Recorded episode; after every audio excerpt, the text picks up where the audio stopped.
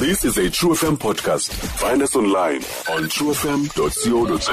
Eh, abantu abaninzi ke bayamazi uh, Mr similo ndalo rodbom eh ongitishara kudala kwizikolo kwezi ngo-hector peterson eh nguye ke namhlanje is a scholar or when it comes to imicimbi heritage uye ke usiphathele sunday motivation yethu namhlanje. Molo mfundisi.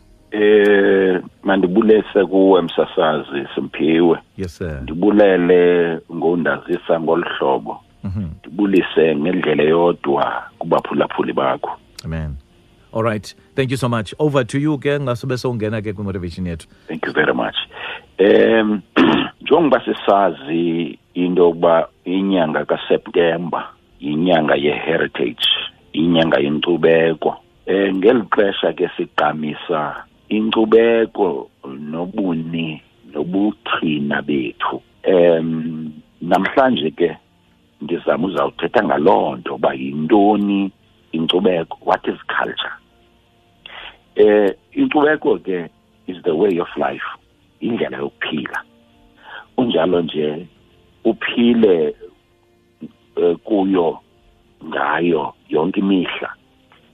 Ungathi laa ba uphile ngemi- nge- ngemini ezithile uthi wawubona unxibe ngohlobo oluthile kubuza uba yeyiphi le event uya kuyo? Ngowuphi lo mtshato uya kuwo?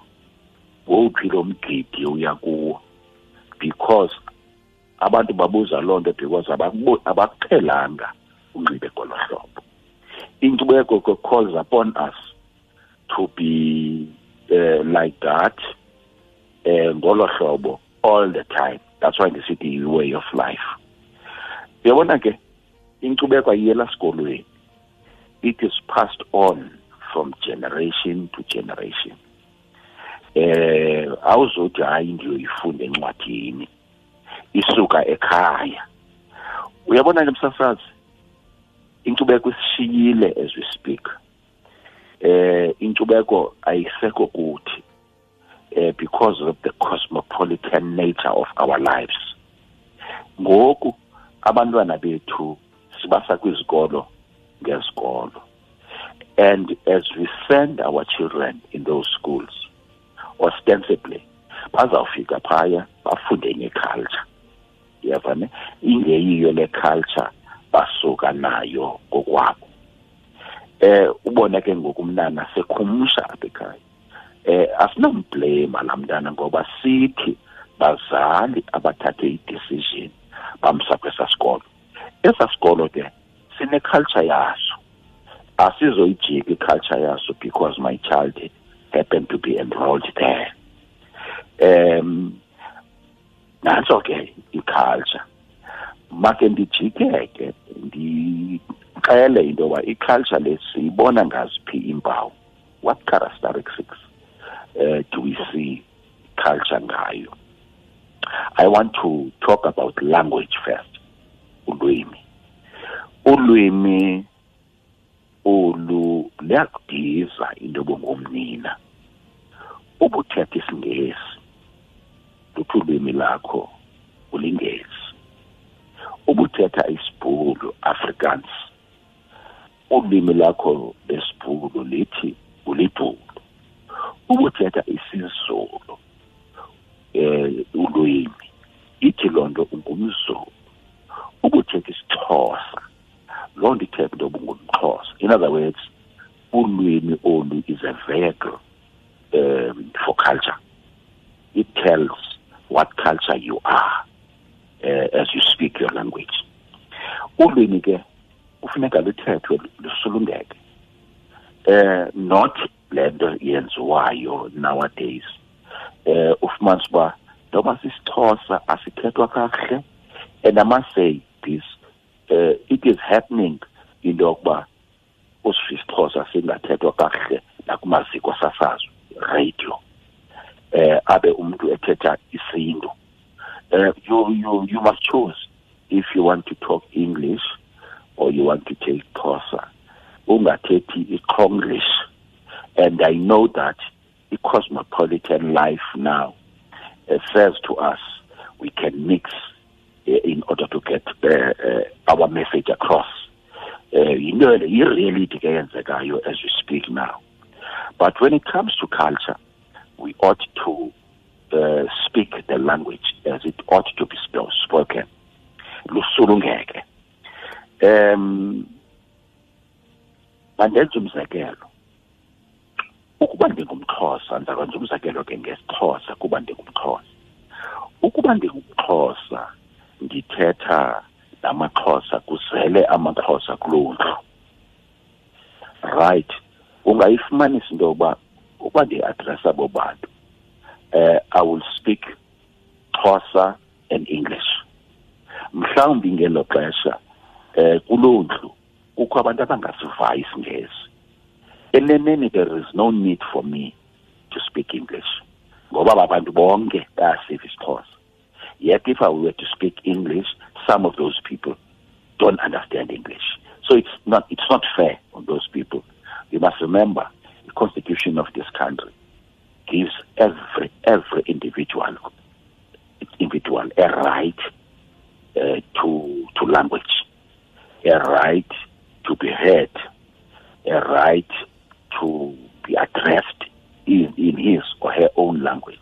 Hence the constitution of this country uh, uh, recognizes 11 official languages. In fact there should be a 12th language which is sign language uh, for the deaf community. And I, that's a topic for another day. So eh bekumele bake si conscious ngaloo nto xa sithetha i-language yethu um kunjalo nje i-language yomnye umntu ungayibukeli phantsi kuba wena ungayi-understand. Um ukuba isixhosa esi eh lo mntu ndithetha naye akasi-understand it is our responsibility both of us uh, yena enze effort asi-understand isixhosa. Nam ndenze effort yokuyi-understand ilanguage yakhe. Nentoba asi-understand isixhosa is there is responsibility efuneka ikhona phakathi kwabantu you see. Manto kunika umzekelo we-language eh, ejongelwe phantsi i have a friend in joburg uyandibhalisela ngenye imini years back uh, sekukudala ngoko. Eh ngamaxhosa ababantu bobabini bavela apha e-eastern cape. Um himself and his wife. Now they've got a daughter who is enrolled in a white school in joburg. Now unkqonkqoza omnye umfo ke emnyango bethi bell eh uzowubona umhlobo wakhe that is the man himself. Umntana aye emnyango kuba uvibhela athi xa evula umnyango eh lo mfo ke mosabuzi athethe isixhosa oh lo mntana ingaba ukhona utata okanye umama? La mntana zangamphendule lamfu she ran down the passage to, uh, to her father. Uh, dad there is someone at the door who speaks that funny language of yours. Yabona now it shows lamntana because she doesn't speak that language. It's a funny language to her. Uh, it's a language that is inferior to the one she speaks which is english. Um, you cannot blame the child because that's what she has been taught uh, esikolweni she has been taught the language of commerce. Uh, the language of communication is english so so lo mntana ke ngoku unalo ngqondo that's why she uh, she reacts in that way i'm trying to say ke um imeko enjalo eh le ndithetha ngayo um yesingesi lesixhosa i was making an, an example about that so msasazi injalo ke into ye yolwimi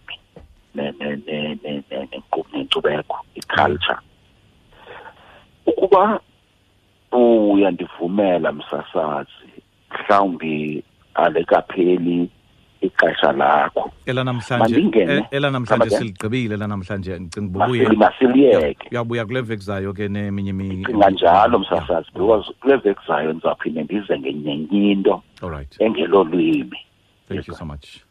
Enkosi mfundisi ndawuhlala ndikubiza njalo ke all the time ngoba oko eh, ngiyaqonda ngiyaqonda senthiwe.